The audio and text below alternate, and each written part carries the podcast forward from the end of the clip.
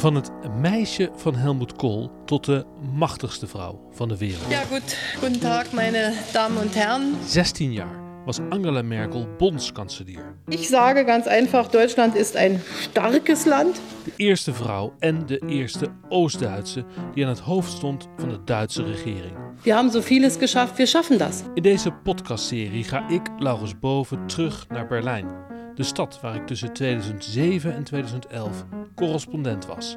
Samen met collega-correspondent en Berlijnkenner Rob Savelberg stap ik op de fiets en bezoeken we de plekken waar Merkel leefde en nog steeds leeft.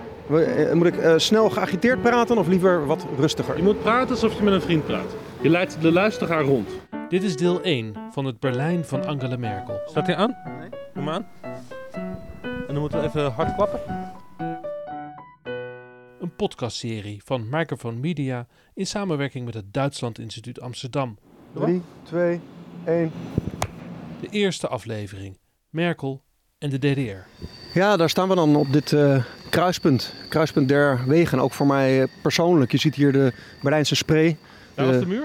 Ja, zeker. Aan het eind van de straat daar, daar was de muur. Eh, nu zie je een brug. Die brug die was er niet. De brug naar de bondskanselarij van Angela Merkel. Er staan een paar oude huizen hier op het kruispunt. Reinhardstrasse, Louisenstrasse, midden in Berlijn. Jij woonde in dit huis? Ik woonde hier in dit huis met eh, vrij zicht op de, op de Rijksdag, waar eh, ja, nu het parlement zit. Maar toen in de jaren negentig zat het parlement in, in Bonn, in het Rijnland, in het westen van Duitsland. En hier in Berlijn, ja, dat was natuurlijk een chaotische toestand. Want eh, het was weliswaar de hoofdstad, maar er woonden veel minder mensen dan, dan nu. Er waren honderdduizenden mensen vertrokken. Alle huizen stonden leeg. Jij was student. Je kwam uit Amsterdam, van de UvA, naar Berlijn. Jij woonde hier dus in een soort van kraakpand. Nee, zeker. Dat was helemaal geen, eh, geen, geen kraakpand. Maar de huren in Berlijn die waren zo ongelooflijk laag dat ik eh, deels vier woningen had. Nu is er van alles. Toen was er helemaal niks. En wat jij toen ook niet wist, was dat eh, één straat verder jij een hele beroemde buurvrouw had. Althans, die woonde er toen niet. Maar dit was jouw eerste adresje in Berlijn. Dat was haar eerste adresje in Berlijn. Angela Merkel. In de Marienstrasse. Correct. Ik had ook niet gedacht dat onze wegen nog eh, zouden samenkomen wat dat betreft. Want op dat moment woonde ik in Berlijn en zij in Bonn. Zij was dus eh, ver weg. En die Marienstraße, daar kwam ik dus vaak eh, als student, omdat ik de, de, de metro moest nemen vanaf Friedrichstraße. En die Marienstraße die was totaal verlaten. In, in leegstaande woningen waren clubs en cafés, maar je zag bijna nooit iemand op straat. En alles was grauw, alle beton, alle façades die brokkelden. En je zag ook overal de, de kogelgaten nog in de huizen. We gaan er even naartoe. Op de fiets.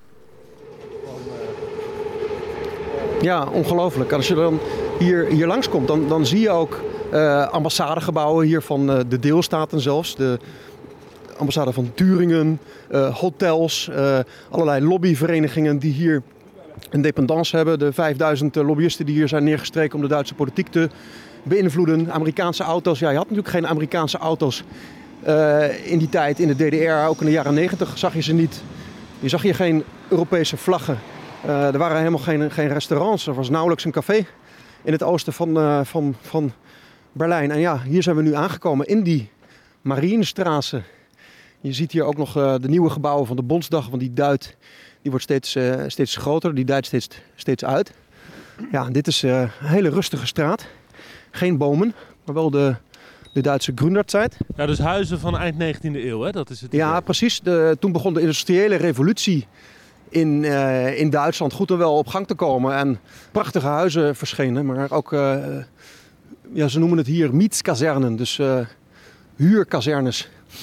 Blokken bovenop elkaar. Ja, de huizen, de woningen, de huisnummers, dat zijn vrij grote blokken met een enorme ingangsdeur dan steeds in het midden. Daarachter zitten trappenhuizen tot 4, 5, 6 verdiepingen hoog. En op elke etage dan 1, 2 of 3 woningen. Hè?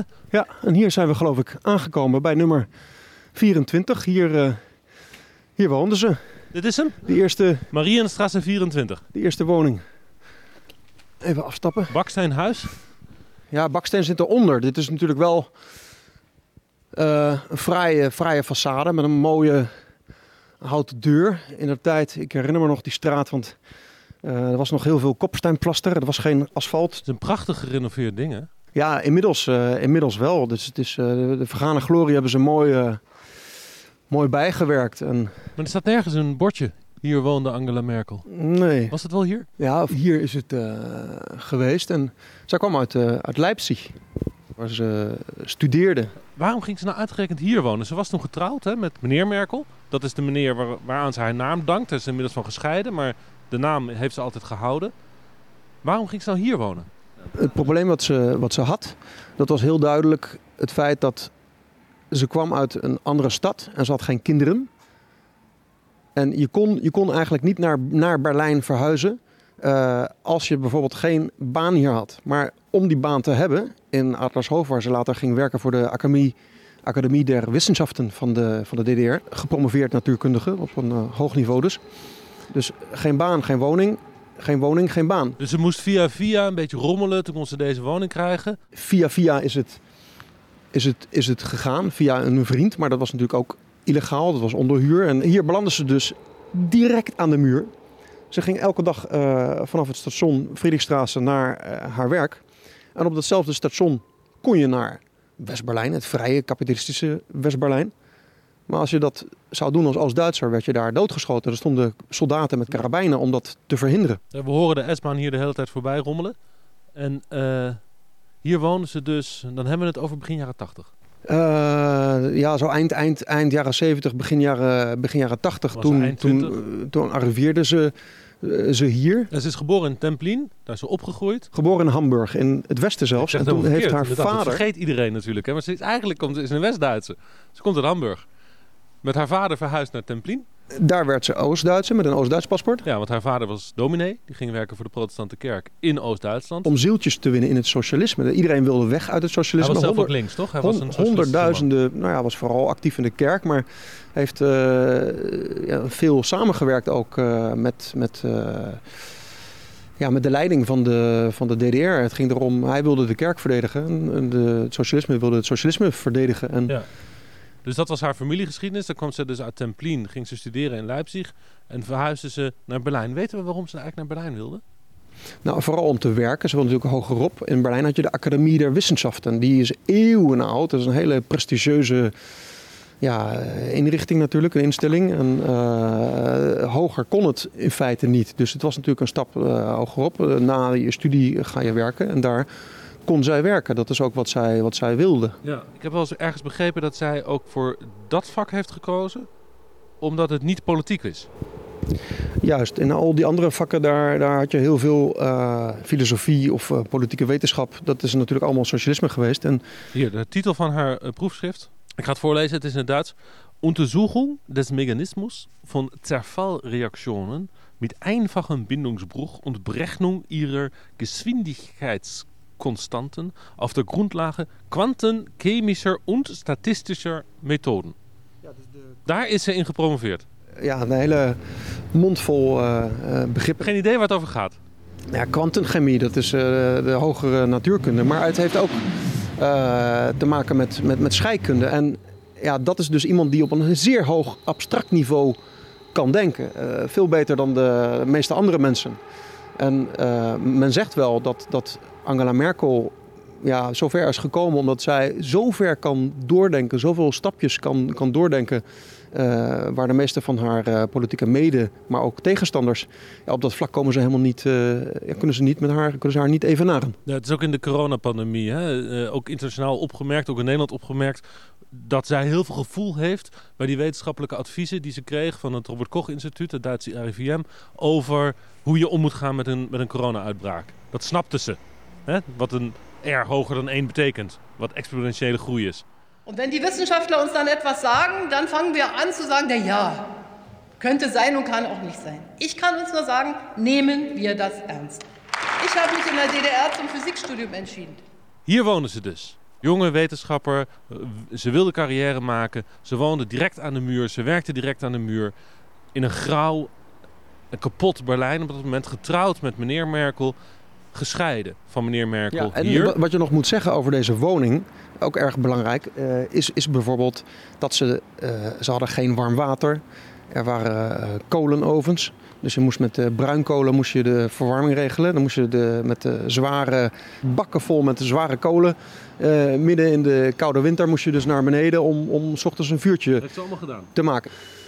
Maar ze hadden dus weinig comfort hier in eh, misschien een anderhalve kamer met, die je met z'n tweeën deelde. En je moest eh, twee trappen naar beneden om de wc te delen met je buren, met je, met je Ja. vier andere huishoudens. Toen zij dus scheidde van haar man, stond ze weer op straat. Het verhaal werd voor haar nog veel dramatischer, want een gescheiden vrouw, kinderloos, geen kans om hier een officiële woning in Berlijn te krijgen. Angela. Merkel moest, moest eh, de illegaliteit in. Verderop, in Prenzlauer Berg. Daar gaan we nu naartoe. Hartstikke leuk. Laten we gaan.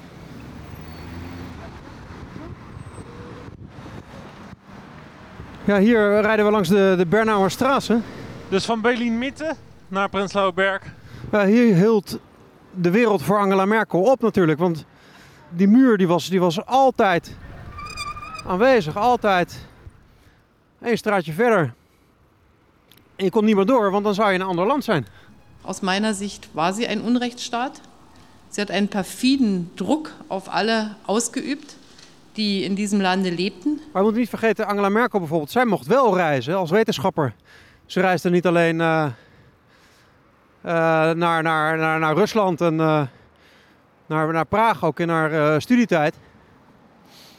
Maar is bijvoorbeeld zelfs in, in het Westen ook geweest. En ze kwam wel braaf weer terug, hè? ze is niet gevlucht. Ze was geen tegenstander van het, van het regime van, eh, uit de DDR. Nou, ge- geen tegenstander in de zin van dat ze geen... Ze was niet lid van de oppositie. Also das hatte auch zwei Seiten. Ich habe erstmal schon bestimmte äh, Formen der Anpassung genutzt, um einen bestimmten Bildungsweg zu gehen. Aber ansonsten war es äh, auch 70 Prozent Opportunismus natürlich. Hier rechts. Nou, we kunnen ook recht doorrijden. dus Misschien zo. Oh, wacht even, opletten op het stop. Ja, wij mogen doorrijden. En je doet het wel heel Hollands, want je rijdt flink door rood. Nee, voor eh, fietsers en eh, auto's konden we rechtdoor. Maar het gebeurt vaak dat eh, vrachtwagens hier eh, van de sokken rijden. Je ziet overal in Berlijn de, de witte fietsers die hier staan. En die witte fietsen die staan voor de mensen die zijn doodgereden door, door auto's en vrachtwagens. De Er zijn monumentjes. er niet weinig. We zijn de Prenzlauer Berg opgefietst. Vind ik altijd leuk aan Berlijn. Hè? Dat, de, de stad is ongelooflijk vlak. Maar de Prens, Prenzlauer Berg is ook echt een berg. Ja. Dit is de Templinerstraße.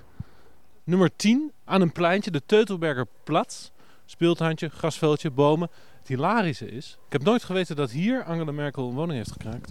Maar ik woonde ook aan dit pleintje, hier recht tegenover. En jij woont hier nu ook, Nog steeds. nog steeds. Jij woont in mijn oude huis. Heel grappig. En ik heb jou toen naar dat oude huis gehaald. Want je woonde in de buurt van de Bornholmer Ja. Straße, waar de muur viel. Daar gaan we straks nog heen. Daar heb ik ook gewoond. En eh, hier was een woning vrij. Die heb ik toen dankzij jou gekregen. En eh, daar ben jij uiteindelijk zelf later in gaan wonen. En eh, ja, in de tijd zijn wij dus eigenlijk samen weer overburen geweest van Angela Merkel. Terwijl jij dus in de Reinhardtstraße woonde, waren jullie ook al buren. En hier dus weer, Opnieuw, ja. opnieuw. Alsof onze biografie zo'n beetje parallel loopt. In elk geval de plekken waar we, waar we, waar Ja, we wonen. Met een eh, jaar of twintig ertussen, 25, maar toch inderdaad dezelfde plekken. Dit huis, Templinerstraat nummer 10. eh, zij was dus gescheiden van haar man. Van, En- eh, ja, van haar, haar man Merkel. Ja. En ze moest een woning hebben, gescheiden man, vrouw, geen kinderen, eh, kon hier geen woning krijgen. Dus ze heeft hier een woning gekraakt. Dat weten we omdat ze dat heeft verteld aan een klas scholieren. Er is geen geluid van, dus ik kan je niet laten horen hoe ze het zegt. Maar we hebben wel het letterlijke citaat. Als ik mich van mijn eerste man, toen ik van mijn eerste man ging scheiden, had ik een woning nodig. Iemand gaf mij een tip in de Templinerstraße. Dan heb ik daar in een leerstaande woning ingebroken met een sleutel. Nou, mm, niet met een sleutel dus. Ik heb het slot opengebroken. En toen ik daar de eerste keer in de woning kwam, riepen de buren door het raam: eh, Bent u de nieuwe hier? nou, ze woonde hier dus illegaal. Maar ze heeft, dat is dus heel interessant, wel gewoon de huur betaald. Hè, aan Ja, nou, maar dat was, ook een, dat was ook een trucje. Dat is dezelfde woningbouwvereniging als die ik nog steeds heb. Dus de communale woningsbouwverwaltung in de DDR. Eh, toen wonen in Prenzlauer Berg. Ja. En aan diezelfde club maak ik nog steeds mijn, mijn huur over. Dus die het- organisatie bestaat nog steeds. Die verhuurt waarschijnlijk nog steeds deze woningen. Jazeker, dat is eh, vaak zo. Ze hebben niet alles eh, verkocht. Interessante is, is dat zij eh, een trucje heeft gebruikt, slim als ze was. Want kraken, dat mocht niet. Maar als een verhuurder de binnenkomende huur ook van Angela Merkel accepteerde, want ze maakte dan elke maand een huur over terwijl ze geen huurcontract had, dan had ze een, na drie maanden een officieel contract binnen. En dat wist zij, daarom kraakte zij en zo konden ze zich in het systeem naar binnen kraken, waardoor ze dus als kinderloze alleenstaande vrouw wel in de regeringsstad, Hauptstad der DDR, een, een uh, officiële woning kon verkrijgen. En dus een adres. En daarmee was dus ook haar baan verzekerd aan ja, de precies. Academie der We hebben het over de periode halverwege de jaren 80. Eh, toen was dit deel van Berlijn enorm vervallen. De DDR-regime stak geen geld in Prenzlauer Berg. Dit was trouwens ook het centrum van de oppositie, hè, van de democratische oppositie later. Die hier want al in de- die, ja, want al die mensen uit de oppositie die konden geen, eh geen plattenbouw, geen echte mooie woning krijgen die wilden ook niet in die in, in in die woonsilo's, in die nieuw gebouwde. Nee, dus die woonsilo's, eh, dit soort wonen. wijken die vervallen waren, waar nog op kolen gestookt werd, waar geen badkamers waren, geen douches. Met zware oorlogsschade. Hier kwamen zelfs de balkonnetjes, die kwamen steeds als... eh, Oorlogsschade van de Tweede Wereldoorlog Ja, er zeker. Dat, dat, dat, die balkonnen kwamen steeds naar beneden. Dat was levensgevaarlijk. Ja. betekende ook dat dit dus een, een, een centrum was van de oppositie. Die verzamelde zich hier, ook in de kerken, hè, in het Sionskirche hier om de hoek en verderop in de Gethsemane-kirche. Daar organiseerde de oppositie zich. En Merkel woonde daartussen. Maar weten we eigenlijk iets uit die periode van haar? Dat zij tussen al die mensen woont. Was ze er ook bij betrokken bij die oppositie? We weten heel weinig. We weten bijna niets. Alleen de dingen die zij terloops in gesprek hebben, zoals je zei, met scholieren ooit heeft, heeft eens laten vallen. Sommige vrienden van haar praten, maar de meeste niet. Maar hier op de hoek bijvoorbeeld, hier woonde Berbel Bolai. En iedereen kende Berbel Bolai. Zij was de Jeanne d'Arc van de latere revolutie in 1989. Eh, heel belangrijke vrouw. Helmut Kool. Die woonde dus op 300 Die- meter van nee, niet Merkel. 300. Dit is, dit is eh, eh, 40 meter. Maar we weten niet of ze elkaar kenden, of zij betrokken was, of ze daar meedacht. Laat, nou, nou, pas op. Later is natuurlijk Angela Merkel is actief geworden toen de muur al was gevallen. Het was toen veel veiliger om lid te worden van de oppositie. Daarvoor werden ze nog vaak in de gevangenis gegooid. Eh, mensen ver- eh, verloren hun baan. Hun kinderen mochten niet studeren. Er waren enorme represailles. Men- Mensen werden in geblindeerde busjes naar Hohenschönhausen gereden om eh, daar in de gevangenis te worden? Zij is dus een natuurkundige, theoretisch natuurkundige, woont in Prenzlauer Berg midden in de oppositie, maar werkt in Adlershof bij een eh, wetenschappelijk instituut. Volledig apolitiek, maar ze woont er wel tussen. Het gebeurt in kerken, protestante kerken, waar haar vader ook dom, eh, waar haar vader dominee is, in zo'n soort kerk.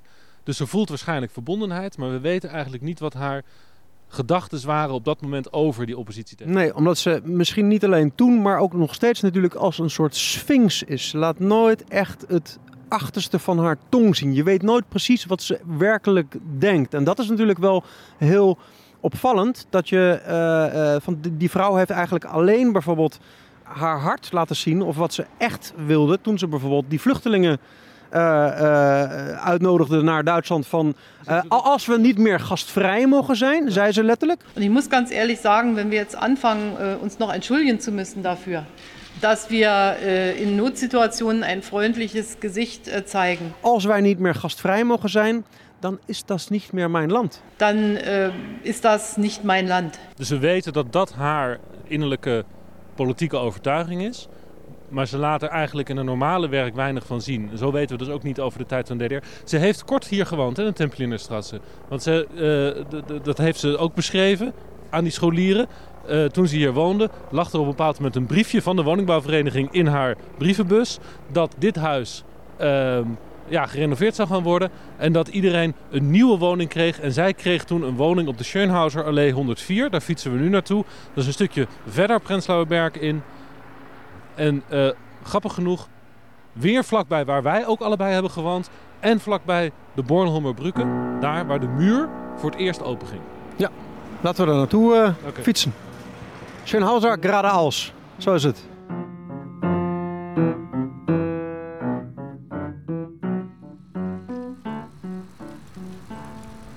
Ja, ik, kan me nog zeer goed, eh, ik kan me nog zeer goed herinneren hoe deze straat, ik ging daar nooit doorheen, want het was zo donker en het stonk hier vooral naar die trabantjes, weet je. Die, eh, ik mag trouwens niet zeggen van mijn buurman, want die heeft er nog zo een.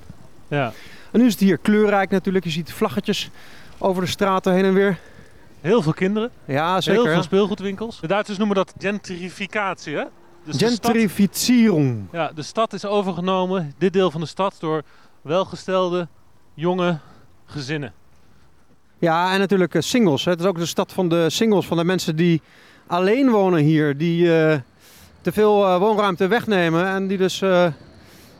waar ze eh, behoorlijk krijgen betaald. Misschien wat meer dan de arbeiders en de rest van de mensen die hier nog in gewone baantjes actief zijn. We zijn er bijna bij de betekent dus dat de mensen die hier gewoond hebben, die hier die revolutie hebben gemaakt, dat die eigenlijk niet meer hier wonen. Ja, deze eh, buurt, deze wijk, die zo groot is als eh, heel Den Haag bijvoorbeeld, eh Prins Lauerberg. Hier is 90% van de oorspronkelijke bevolking is hier weggetrokken uit Prins Lauerberg. We gaan hier naar links. Hé hey, Daniel Stan, hoe gaat het jongen? Dat was een vriend van mij, Daniel, uit Nederland, die ook Nederlands spreekt. Moet je opletten op het verkeer. Laurens? Hier had ik een keer een zwaar ongeluk hier op de Schönhauser Allee. Omdat ik hier dus eh, fietste waar we nu fietsten. En eh, opeens was de fietsweg eh, opengebroken en moest naar links, naar rechts. Omdat er een bushokje was neergezet. Zo heel onlogisch, heel Duits. En met die telefoon- en elektriciteitshuisjes. En toen kwam er gewoon iemand vanaf de andere kant. Met een rotvaart tegen het verkeer in. En die, die hier zo met me samen. We rijden over de Schönhauser Allee eigenlijk de stad uit, weg van het centrum. En de spanning stijgt eigenlijk in het verhaal. We zitten halverwege eind jaren 80. Hier is de Gethsemane-kirchje zo naast ons. Een eh, plek ook van de, de oppositiebeweging in de DDR. De, de kerk, de Gethsemane-kerk, waar eh, toen duizenden mensen bijeenkwamen. Toen Angela Merkel nog niet eh, actief was. We zouden ook een, een kijkje kunnen nemen zo op deze plek hier. Moet hier rechtsaf, hè? Eind jaren 80 wordt het verzet, de oppositie steeds groter, steeds sterker in heel Oost-Europa. En natuurlijk ook hier in Berlijn in Prenzlauer Berg. Merkel die woont er nog steeds middenin. De Gethsemane-kirchje. We kunnen misschien even op het, op het eilandje hier eh, gaan staan, zo eh, voor de kerk. Er hangen nog steeds eh, posters. Wachet und betet vrijheid jetzt. Dat zijn een beetje dezelfde parolen, dezelfde leuzen die je toen ook had.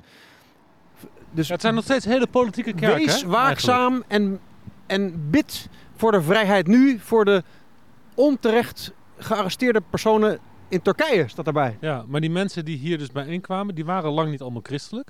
Maar het was dat de kerk eigenlijk de ruimte bood voor het kunnen organiseren. Juist, eh, hier kwamen eh, heel veel mensen toevlucht zoeken. Eh, Ook punks, je had hier eh, muziekconcerten, punkconcerten. Je had eh, In de kerk. zeg maar hippies in de kerk, want in de kerk mocht je niet gearresteerd worden. En op deze plek, ook nog in eh, oktober 1989, toen al een hele volksbeweging op weg was naar de vluchten eh, via Hongarije naar Oostenrijk, naar West-Duitsland te vluchten of via Joegoslavië. Honderdduizenden stonden woningen hier leeg. Eh was natuurlijk een, een massabeweging. En tegelijkertijd was hier op 7 oktober 89 was Gorbachev in de stad, de leider van de Sovjet-Unie. En die was eh, ter gelegenheid van de verjaardag, de 40ste verjaardag van communistisch Oost-Duitsland, DDR.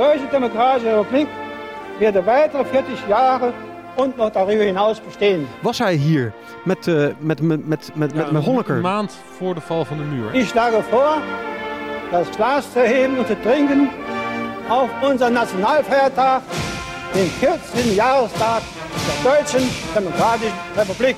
Dus eigenlijk in een, in een revolutionaire situatie hier in de stad. Ja, en hij was hier en hij heeft toen gezegd tegen eh, eh, de Oost-Duitse leider Honecker, want dat was echt een Stalinist, dus van de, van de oude stempel. Hij zei van, joh, je moet met je, met je tijd meebewegen. Als je niet doorhebt dat eh, jouw volk langzaam in opstand komt, dat jouw volk het land verlaat en zo. Я думаю, опасности только подстерегают тех, кто не реагирует на жизнь. Ich glaube, Gefahren warten nur auf jene, die nicht auf das Leben reagieren. Спасибо, до свидания. Dankeschön, Wiedersehen. Weer zu spät komt, der, den bestraft als leven. Als je te laat komt, als je niet doorhebt wat er gebeurt, dan word je door het leven zelf bestraft. En het was een profetische uitspraak, want een week later was die Honecker verdwenen. Hij was afgezet door zijn eigen mensen, door Krens en Schabowski. De mensen die de, eh, later de val van de muur eh, hebben Nou, ingeluid. dus en dat is, is... drie weken voor de val van de muur zelf al weg. uit zijn functie. Eén maand voor de val van de muur. En dan wordt ook deze plek, deze kerk, wordt opnieuw belangrijk. Want toen Gorbachev dat zei, mensen riepen Gorbi, Gorbi. Hilf, hilf, Gorbachev, help ons. En die zijn toen over deze Schönhauser Allee hier omhoog gelopen. In de nacht van 7 oktober 1989. S'avonds inderdaad, in, in, in de donkerte van eh, kom in opstand, democratie jetzt. Het is een beetje nu dezelfde eh, woorden als op de kerk hangen. Vrijheid jetzt, dus dezelfde parolen nog steeds op deze plek 30 jaar later. En het interessante is, ze liepen omhoog Hier ist das erste deutsche Fernsehen mit der Tagesschau. en die menigte werd steeds groter. Honderden, duizenden, niet alleen jongeren, maar ook mannen, vrouwen, arbeiders, ook kinderen daarbij. En opeens Guten Abend, meine Damen und Herren. toen ook al veel mensen hier aan het bidden en het praten waren. Waren duizenden mensen in deze kerk. Insgesamt etwa 2000 Demonstranten waren nach dem Abendgebet in der Gethsemane-Kirche auf die Straße gezogen. Wir wollen Freiheit, forderten sie, wir bleiben hier. Und immer wieder die Internationale. Toen heeft de Oost-Duitse politie met de Stasi, ze kwamen met vrachtwagens en met honden aan. En ze hebben erop losgeramd. Net als in Leipzig, de andere Oost-Duitse steden. Keine Gewalt, keine Gewalt, rufen sie. Dann lassen sie sich vor den gepanzerten Fahrzeugen der Polizei zu einer Sitzblockade nieder. Ze hebben er frontaal op losgeramd. En ze hebben, er zijn ook eh, mensen eh, getraumatiseerd omdat ze zagen dat ook vrouwen eh, werden mishandeld hier. Gewoon normale vrouwen. Eh, die werden in die busjes allemaal afgevoerd richting Hohenschönhausen, de grote be- beruchte Stasi-gevangenis. Es kam zu 40 Festnahmen, so wird berichtet. Insgesamt wurden in der DDR bei den Demonstrationen vom Wochenende über 1000 Menschen vorübergehend festgenommen. En eh, dat gebeurde dus allemaal bij Merkel om de hoek. Want zij woonde hier. Zij heeft dat allemaal. ik bedoel, Dat was natuurlijk het gesprek van de Even maand. voor de goede orde, de DDR was natuurlijk een dictatuur. Maar zo'n mate van het neerslaan van de demonstratie was voor Oost-Duitse begrippen ook Dat hadden, ze, dat hadden ze 40 jaar niet gezien. Sinds de, de arbeidersopstand in begin jaren 50 was er niet zoveel openlijk geweld en zoveel opstand ook. Er was natuurlijk een, een, er was een revolutionaire sfeer hing, hing in de stad. Dat gebeurde inderdaad, je zegt het al, hier, de, de Schönhauser Allee, de Stargarder Strasse, dat is waar de Gethsemane hier staat. Hier inderdaad een paar honderd meter verderop, we fietsen er nu heen. Daar woonde dus Merkel, Schönhauser Allee 104. En het kan niet anders dan dat ze getuige is geweest, of in ieder geval weet heeft, want haar buren, als ze het niet zelf heeft gezien, als ze erbij was, dat weten we eigenlijk niet, of ze mee heeft gedaan met die demonstratie. Ze moet die spanning van dat moment natuurlijk hebben meegekregen. Eh, niet alleen zijzelf, maar ook al haar buren, al haar vrienden, al haar kennissen. 104 is aan de overkant van de straat, dus ik denk nog even over moet steken en dan over de stoep links. Hè? Nou, we zijn er hè. En niet te geloven, ik ben helemaal van slag. Weet je waarom? We staan nu voor de Schönhauser Allee 104, de plek waar dus Angela Merkel woonde toen de muur eigenlijk eh, viel. En weet je wat, wat ik nu zo verbijsterend vind? Dat die wereld die zij toen kende, die wereld is totaal verdwenen. Je hebt hier nu nagelstudio's, je hebt hier nu internetcafés, eh coronatestcentra, al dat soort winkels, Thailandische restaurants, eh, Vietnamese restaurants, een deuner kebab hier daarnaast. Eh, ik bedoel, al die winkels en zaken, al die ondernemers zouden hier niet zijn geweest als die muur niet zou zijn gevallen. Ja. ja, ze woonden om de hoek. Letterlijk, hè? want die straat verderop daar, dat is de Bornholmerstraße. Die gaat naar de Bornholmerbrücke. Dat is de plek waar de muur open ging. Merkel woonde hier op Voor het nummer eerst 104. sinds 30 jaar ging die, die muur toen open natuurlijk. Ja. eh, in eh, november 89. En weet je wat het gek is? Ik ben naar Berlijn getrokken om, omdat ik zo gefascineerd was door die stad eh, in de jaren 90. Eh, en, het, en het hele, hele bijzondere... Hallo, We spreken Holländisch. Oh, das ist mir sehr recht. Sind Sie, sind Sie von hier? Ja. Wissen Sie, wer hier gewoond had? Angela Merkel had hier gewoond. Hier in Pankow? Ja, 104 Schönhauser. damals Prenzlauer Berg ist das gewesen. Ja, das weiß ich. Das weiß ich. Ich wohne nämlich ein Stückchen weiter rechts. Aber die habe ich nicht gesehen. Na gut, ich bin ein bisschen älter als Sie. Ze had hier gewoond Ja? äh, bij Mauerfall. Had ze hier gewoond. Sie waren ein Nachbar vielleicht. War, wohnte sie auch hier damals? Ja, ja, schon immer. Hätte ich damals auch nicht erkannt. Glaube ich, glaube ich nicht. Sie war noch unbekannt, ne?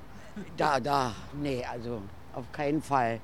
Komt een mevrouw hier langslopen terwijl wij met elkaar aan het praten zijn. Die kijkt wat wij aan het bespreken zijn. Welke taal. Eigenlijk? eigenlijk een buurvrouw een paar huizen verderop. En ze is helemaal verrast door het nieuws dat Angela Merkel hier heeft gewoond. Wo steht das? Wo habt ihr das gelesen? Nou, het staat nergens, maar ze heeft het zelf wel gezegd. Ze had dat zelf erzählt. Ja, genau.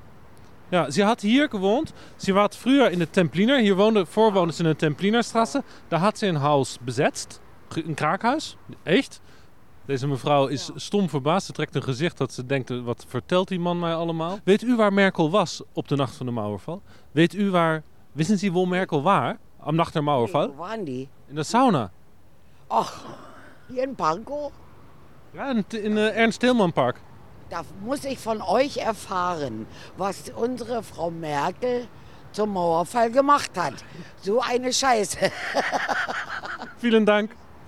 Ja, en weet je wat ik ook nog zo bijzonder vind, Laurens? Is dat toen ik hier naartoe kwam, dus in de jaren 90, de stad van de vrijheid naar Berlijn. Toen ben ik hier daarom ook, omdat ik dat wist van die Bornholmerstraße. Maar ik wist nog helemaal niet wie Angela Merkel was. Dat was in de jaren 90 helemaal niet duidelijk. Want zoveel met politiek was ik nog niet bezig als student. Want toen ben ik in de Bornholmerstraße gaan wonen op nummer 90. Hier direct om de hoek. Dat was voor mij erg belangrijk. En toen wij elkaar leerden kennen, uh, een groot aantal jaar later toen woonde jij ook hier in de buurt van die... Ik ben in 2007 hier naartoe verhuisd. En toen ben ik in de Schönvlieserstraat gaan wonen. Dat is twee straten hierachter. Hoe ver van de Bornholmerbrug is dat verwijderd? Uh, 300 meter. Ja, dat, dat kun je... Maar het geinige is, ik wist dat helemaal niet. We gaan er nu even naartoe. Weet je wat? Ik... Pas op. De muur viel op een donderdag. Dat is belangrijk. Op een donderdagavond. Dat is belangrijk, want Merkel ging op elke donderdagavond met een vriendin van haar naar de sauna. Ich bin an diesen Donnerstagen immer in die Sauna gegangen mit einer Freundin und habe der Freundin gesagt, dass ich glaube, dass heute Abend noch was Besonderes passiert. Ze had het nieuws gehoord dat er iets aan zat te komen bij de muur. Und als wir dann zurückkamen, dann strömten auch alle Leute schon, ich wohnte damals Schönhauser Allee, also über die Bornholmer Straße, über die Grenze. Ich bin dann auch einmal kurz über die Grenze gegangen und habe mir das Ganze angeschaut und das war natürlich unvorstellbar. De muur viel op een hele gekke manier eigenlijk, want er was een persconferentie gaande van Gunther Schabowski. Allerdings ist heute, soviel ich weiß, eine Entscheidung getroffen worden. Es ist eine Empfehlung des Politbüros aufgegriffen worden. De druk moest van de ketel af, omdat er honderdduizenden mensen vluchten. Und deshalb äh, haben wir uns dazu entschlossen, heute äh, eine Regelung zu treffen, die es jedem Bürger der DDR möglich macht, äh, auszureisen. Eigenlijk versprak hij zich, want hij, ging, hij kondigde dus aan dat de grenzen met West-Duitsland open zouden gaan voor mensen die naar het westen zouden willen. Een journalist uit Italië die vroeg toen per wanneer gaat dat in? En hij zei toen per direct. Bitte? Das tritt nach meiner Kenntnis ist das sofort. Dus die mensen gingen direct polshoogte nemen aan de grens, omdat ze al 30 jaar niet in het andere gedeelte van de stad waren. Wie kom ik naar Steglitz am besten, am schnellsten? Steglitz in West-Berlin? Na Mensch, naar Logo, wo sonst? Rob, dit is dus eigenlijk de plek waar het uh, Oost-Duitse verhaal van Angela Merkel eindigt. De plek waar de, de muur viel. En eigenlijk het symbool voor de val van de Oost-Duitse dictatuur. Ja, voor mij is dit uh, wel heel bijzonder. Uh, omdat ook een, een, goede vriend van mij, hier komt uh, de metro momenteel binnen. Die goede vriend die, die heeft zijn leven gewaagd in diezelfde tijd, 1989, als Oost-Duitser. Omdat hij in zo'n metro stapte, omdat hij het systeem niet meer verdroeg. Hij kon niet meer tegen de leugens en de onvrijheid. Hij heeft een stuk hout tussen de deuren geplakt toen de metro ging rijden. Hij had een, een ladder bij zich, de eerste ladder die je kon uitschuiven, die een beetje langer was. En hij wilde vluchten naar de vrijheid, naar hier West-Berlijn, dus een paar honderd meter verder, dit grote niemandsland. En die metro die ging daar precies tussen de stukken muur door. Ja, want voor het goede begrip, de Bornholmer Hier stond dus de slagboom, hier was de grens.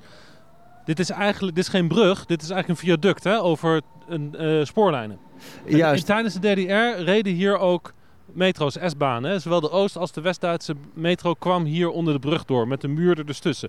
Aan de ene kant de West-Duitse metro's, aan de andere kant de Oost-Duitse. En mijn Oost-Duitse vriend die, die trok daar dus aan de noodrem. Dat ding stopte, hij rende naar die muur. Je hebt hier van die wachttorens, had je, je had honden, je had mijnenvelden. Het was levensgevaarlijk. Todesstrijven eh, veld van, eh, van de dood, hebben ze het ook genoemd. En hij eh, klom eroverheen, maar hij wist niet dat er nog een tweede muur was die nog hoger was. En zijn ladder was niet hoog genoeg. Dus dat was zeer rampzalig en dramatisch. En toen is hij teruggerend over de hinterlandmauer die een beetje kleiner is. En toen heeft hij zich verstopt. Eh, ze kwamen ook direct naar zijn huis toe. Hij is toen bij een vriend ondergedoken. Een week lang wist hij niet wat hij moest doen. En toen heeft hij zijn ladder nog een beetje langer gebouwd. Die eh, anderhalve meter die nog miste.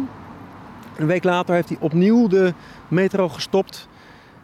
Is met een langere ladder eh, hier op de Bornholmer Brücke, hier precies, is hij er overheen, overheen gerend. Werd niet geraakt, werd niet door een scherpschutter zeg maar, eh, eh, neergemaaid en gedood zoals zoveel anderen die aan de Berlijnse muur zijn gestorven. En hij is toen hier in eh, die, die volkstuintjes hier, kleingärtenkolonieën, zoals ze die noemen, heeft hij zich verstopt. En daar werd hij door de politie eruit gehaald, omdat ze dachten dat hij een inbreker was. De En- West-Duitse kant. aan de West-Duitse kant, ja. En, maar hij heeft dus zijn leven gewaagd. Een paar maanden voordat de- de muur viel. Als hij had gewoon had afgewacht, dan had hij zijn leven niet ehm, ja, op het spel moeten zetten. En ja, dat was een eh, tamelijk ingrijpende gebeurtenis eh, voor mijn vriend Axel. Het hier en nu is dit gewoon een normale stadsbrug. Een verbinding tussen twee wijken. Dat het allemaal vreedzaam is gegaan, dat danken we de politieagenten die hier de wacht hielden bij deze brug. Want die wisten niet wat ze moesten doen. Het was ene meneer Harold Jener die dat toen deed, die hier toen de leiding had op deze eh, brug. Een, gewoon een, eh, een, eh, ja, een, een normale agent eigenlijk. Bitte Sie im Interesse der Ordnung und Sicherheit, den Platz im Vorhof der Grenzübergangsstelle zu verlassen. Du machst aber diesen Blödsinn. Al die duizenden mensen eh lasten ons raus, raus, raus, raus, raus. Ehm, ze konden in Moskou niemand bereiken. Is een godswonder dat niemand heeft geschoten. Als ze hier zouden gaan schieten, er zou een ongelooflijk bloedbad zijn geweest. Zoals in Praag 1968, zoals in Budapest. Gestern Abend an der Bornholmer Straße hier gingen zuerst die Schlagbäume hoch. Geconfronteerd met die tienduizenden mensen die hier de Bornholmerstraße vulden, deden ze de poort open Ostberliner wurden von wartenden Westberlinern mit Applaus empfangen. en stroomden dus duizenden ossies de wijk Wedding in. En uiteindelijk, toen Merkel dus uit de sauna kwam, zag ze toen ze naar huis ging, daar op de hoek, dat hier wat aan de hand was. En zij is toen meegegaan. liet zich meesleuren. Toen heeft ze gevraagd of ze ergens mocht telefoneren. En ze werd eh, binnen eh, verwelkomd. Ja, en ze wilde natuurlijk, haar familie in Hamburg bellen. ja, ze had nog een tante in, in Hamburg. En eh, zij kwam daar op een heel gezellig huisfeestje met andere Oost-Duitsers die aan het feestvieren waren. Er ging een, fles sect ging open.